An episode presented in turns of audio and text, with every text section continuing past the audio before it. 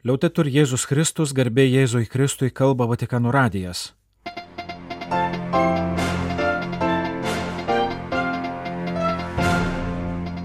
Malonus klausytojai šioje programoje.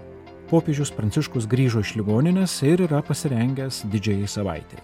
Teritorinį kolonializmą keičia ekonominis ir ideologinis, pažymi šventasis tėvas. Susitiko Šventojo sosto ir Vietnamo delegacijos verbų sekmadienio homilyje.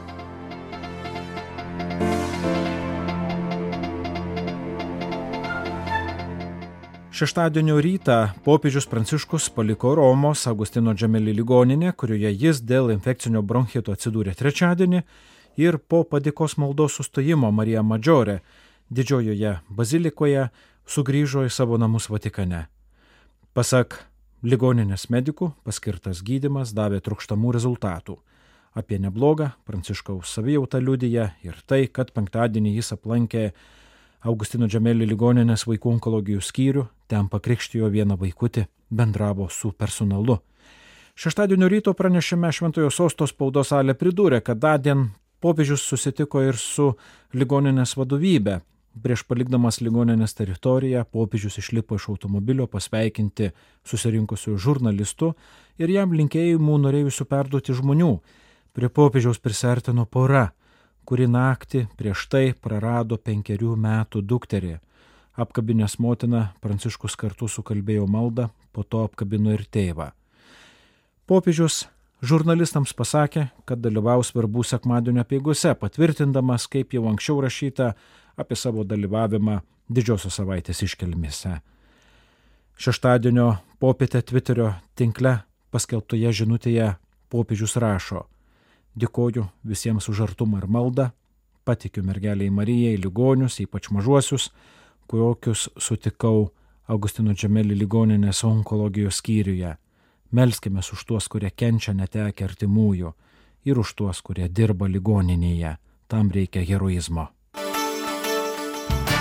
Popiežiškoji socialinių mokslo akademija pasidalijo Pranciškaus sveikinimu, kurį gavo per kovo 30-31 dienas vykusi seminarą apie kolonizaciją, dekolonizaciją ir neokolonializmą teisingumo ir bendrojo gėrio perspektyvoje, surenkta su Afrikos ir Latino Amerikos teisėjų už socialinės teises ir pranciškoniškąją doktriną asociacijomis.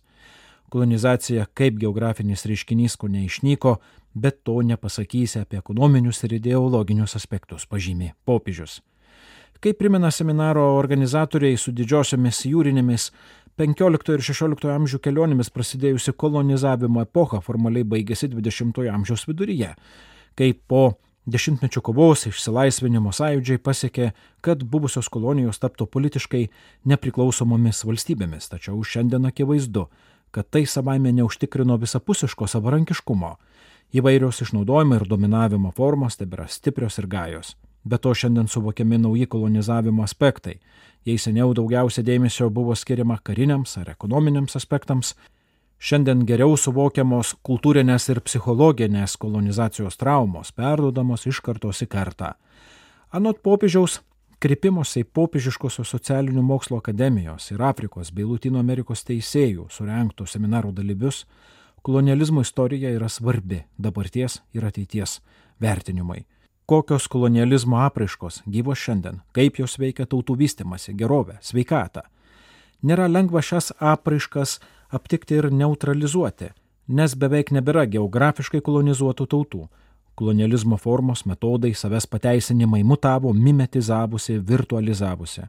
Tiesioginių ir karinių užvaldymo formų mažiau, daugėja netiesioginių ir hybridinių nemažiau svarbus ir dažnai kartu su ekonominiu dominavimu žengiantis ideologinis kolonizavimas, viską suvienodinantis, slopinantis tautų ryšį su jų vertybėmis, istorija ir religija. Tokia kolonizacija netoleruoja skirtumo, orientuojasi vien į dabartį, individualius poreikius ir teises, nepaisydama pareigų silpniausiems ir pažeidžiamiausiems. Nepaisant šimtmečių sunkios kurvenos patirties, visuotinė tautų bei žmonių išsilaisvinimo, apsisprendimo ir tarpusavio solidarumo idėja nėra realizuota. Kolonializmo formos buvo ištobulintos, pridengtos istoriniu aiškinimu, kuris teisina dominavimo praktikas tariamai natūraliais pačių kolonizuotųjų trūkumais, samprotauja popiežius.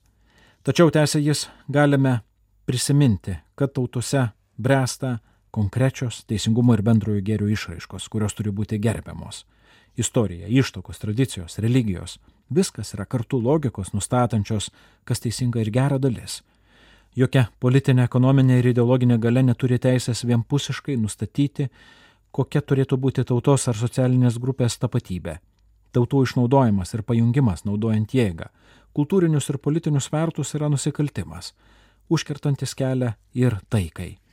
Šiame kontekste itin svarbu vaidmenį turi akademinės disciplinos, kurios gali veikti dvigubai - kaip išlaisvinimo veiksniai ir kaip pakrošiuose esančių tautų pajungimo ar ideologinio kolonizavimo įrankiai. Turime kovoti su neokolonializmu. Norint tai daryti, būtina suprasti šį reiškinį, aptikti jį mūsų pačių institucijose ir atsispirti neigimui, pasak kurio už kolonialistinės diagnozės teslypia samokslo teorijos ar išsigalvojimai. Taikos pasaulyje nebus, jei nebus tikros visų tautų integracijos į politinio atstovavimo sistemas. Negalime įsivaizduoti atstovaujančių organų, kuriuose erdvę užima tik hegemoninė gale. Būtina sistema, kuri reintegruotų čia buvių tautas ir perkeltų etinės grupės į sprendimų prieimimo erdvę iš jų atimta. Dar kartą prašau atleidimo už kai kurių tikinčiųjų, tiesiogiai ar netiesiogiai prisidėjusių prie įvairių tautų politinių ir teritorinių užvaldymo procesų Afrikoje bei Amerikoje veiksmus. Taip pat prašau atleidimo už bet kokias klaidas padarytas ar daromas dabartiniu metu. Dar kartą patvirtinu savo tvirtą ryštą veikti, kaip sako ir bažnyčios socialinė doktrina, kad žmonėje kamuojantis neokolonijiniai procesai būtų apgriežti, pabrėžė popiežius Pranciškus. Šventojo sosto ir Vietnamo delegacijos per penktadienį kovo 31 dieną Vatikane vykusį susitikimą pritarė, kad būtų paskirtas Vietname reziduojantis popiežiaus atstovas. Vietnamo delegacijai vadovavo užsienio reikalų viceministrė Leti Tu Hang, Šventojo sosto delegacijai, valstybės sekretoriato santykių su valstybėmis ir tarptautinėmis organizacijomis skyriaus pasekretorius monsinjoras Miroslavas Vachovskis. Kaip rašoma po susitikimo paskelbtame oficialiame pranešime, buvo pasikeista nuomonėmis apie dabartinę Vietnamo ir Šventojo sosto santykių stadiją ir apie katalikų bažnyčios Vietname situaciją. Dar kartą buvo patvirtintas įsipareigojimas užtikrinti bažnyčios veikimo laisvę įstatymų numatytose ribose ir galimybę vykdyti misiją visos visuomenės labui. Katalikų bendruomenės nariai Vietname, vadovaudamiesi bažnyčios mokymu, siekia būti gerais katalikais ir gerais piliečiais. Taip pat buvo apžvelgta dvišalių santykių plėtojimo srityje pasiekta pažanga, apie kurią liūdija reguliarūs ryšiai ir konsultacijos, keitimasis aukšto lygio delegacijomis ir dažni nereziduojančio popiežiaus atstovo vizitai Vietname kalbant apie galimybę paskirti reziduojantį popiežiaus atstovą Vietname, abi šalys iš esmės tam pritarė. Oficialūs Šventojo sosto kontaktai su Vietnamo vyriausybė buvo užmėgsti prieš jau daugiau kaip 30 metų, kai šalyje pradėjo laisvėti visuomenės gyvenimas. Per šį laiką pavyko su vyriausybė susitarti daugeliu klausimų susijusių su bažnyčios gyvenimu ir religijos laisvė. Vėliau į dvišalių Šventojo sosto ir Vietnamo valdžios kontaktų darbo tvarkę buvo įrašytas ir diplomatinių santykių užmesgimas. 2011 metais buvo paskirtas popiežiaus asmeninis atstovas Vietname. Šios pareigos buvo suteiktos Singapūrė reziduojančiam apaštališkajam nuncijui. Tikimasi, kad netolimoje ateityje bus galima užmėgsti oficialius visaverčius diplomatinius santykius. Vietnamo istorija siekia ketvirtąjį amžių prieš Kristų. Dabartinio Vietnamo teritoriją valdė vietinės dinastijos, taip pat kinai ir kaimininio Siamo valdovai. XIX amžiuje Vietnamas tapo Prancūzijos kolonija. Antrojo pasaulinio karo metais Vietnamo teritoriją buvo okupavusi Japonija. Po karo šalis vėl grįžo prancūzų žinion, tačiau jau 1945 metais buvo sukurta nepriklausoma Vietnamo valstybė. Iškart po nepriklausomybės paskelbimo prasidėjo pilietinis karas tarp Kinijos ir Sovietų sąjungos remiamų komunistų, valdančių šiaurinę dalį, ir Prancūzijos remiamų pietų. 1954 metais pasirašyta taikos sutartimi šalis buvo padalinta į dvi savarankiškas valstybės - Šiaurės Vietnamą ir Pietų Vietnamą. Tačiau jau 1957 prasidėjo naujas karas, kuris, nepaisant Junktinių valstybių intervencijos, 1975 baigėsi komunistų pergalę. Devintojo dešimtmečio pabaigoje pasaulyje žlungant komunistų režimams ir Vietname prasidėjo socialinio ir ekonominio gyvenimo reformos. Pirmieji katalikų misionieriai į Vietnamą atvyko XVI amžiuje, tačiau savarankiška katalikų bažnyčios hierarchija buvo įkurta tik 1960 metais, kai Vietnamas buvo padalintas.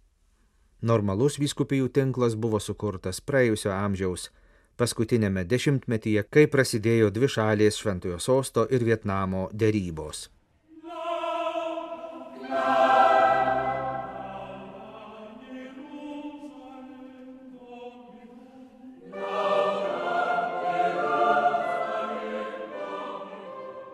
Verbų sekmadienis iš viešpaties kančios Evangelijos pagal Matą.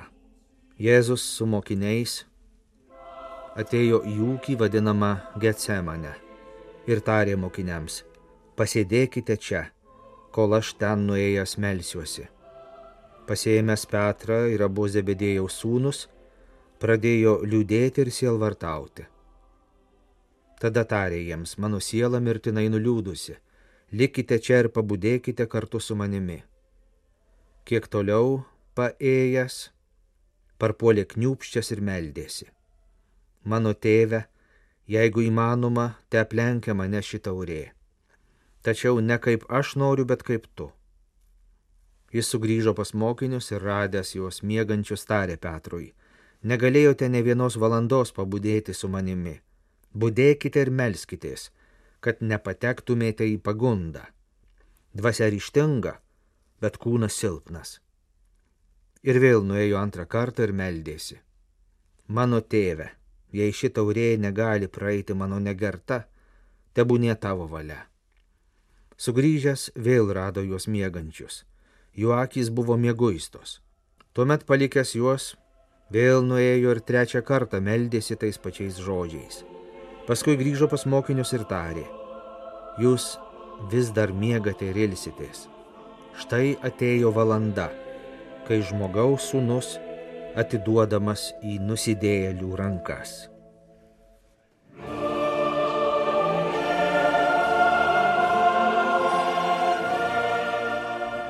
Skaitome monsinjoro Adolfo Grušo mums parengtą verbų sekmadienio homiliją skausme gyvenanti meilė.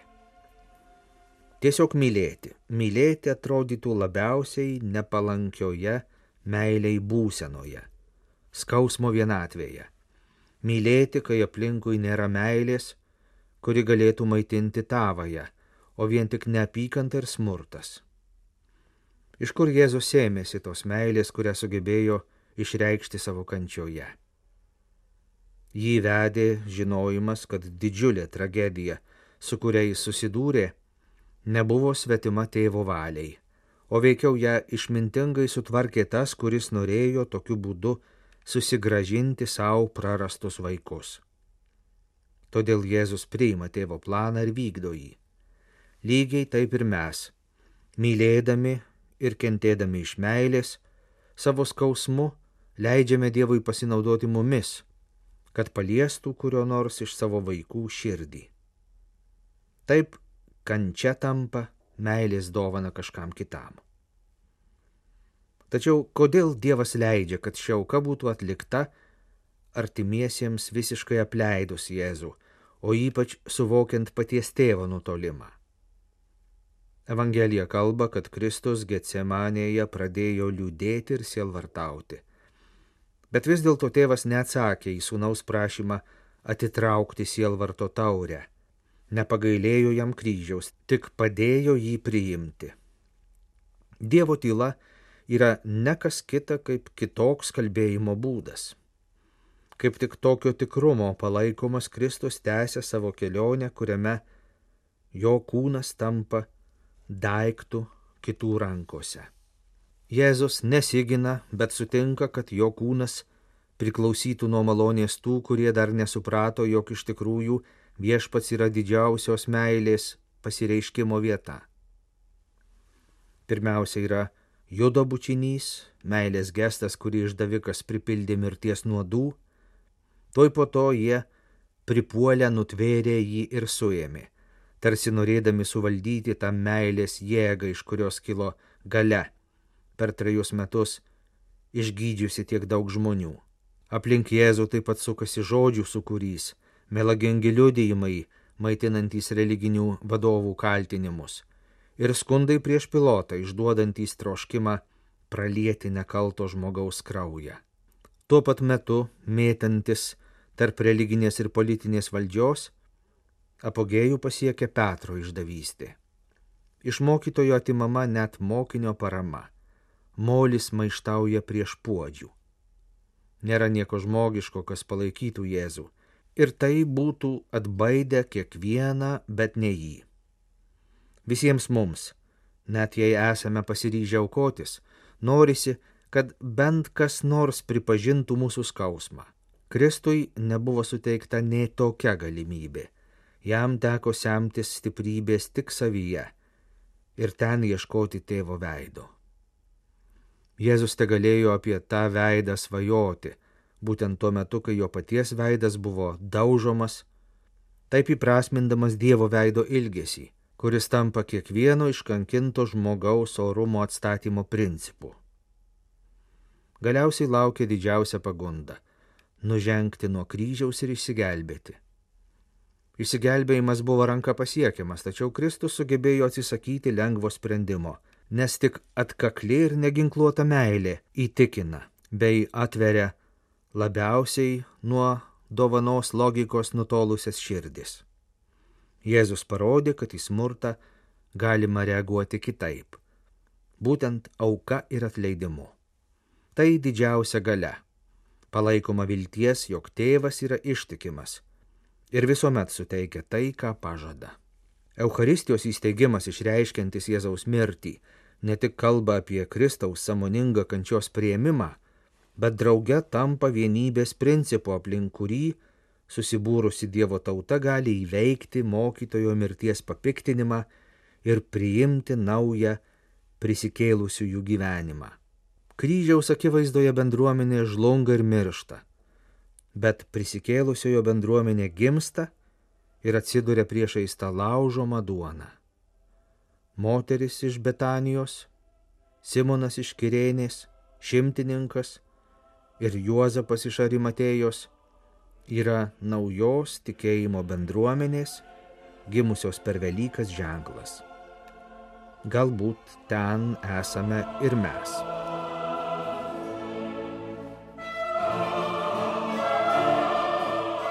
Malonus klausytojai, laidą lietuvių kalba baigiame. Kalba Vatikano radijas Garbė Jėzui Kristui, liaudėtur Jėzus Kristus.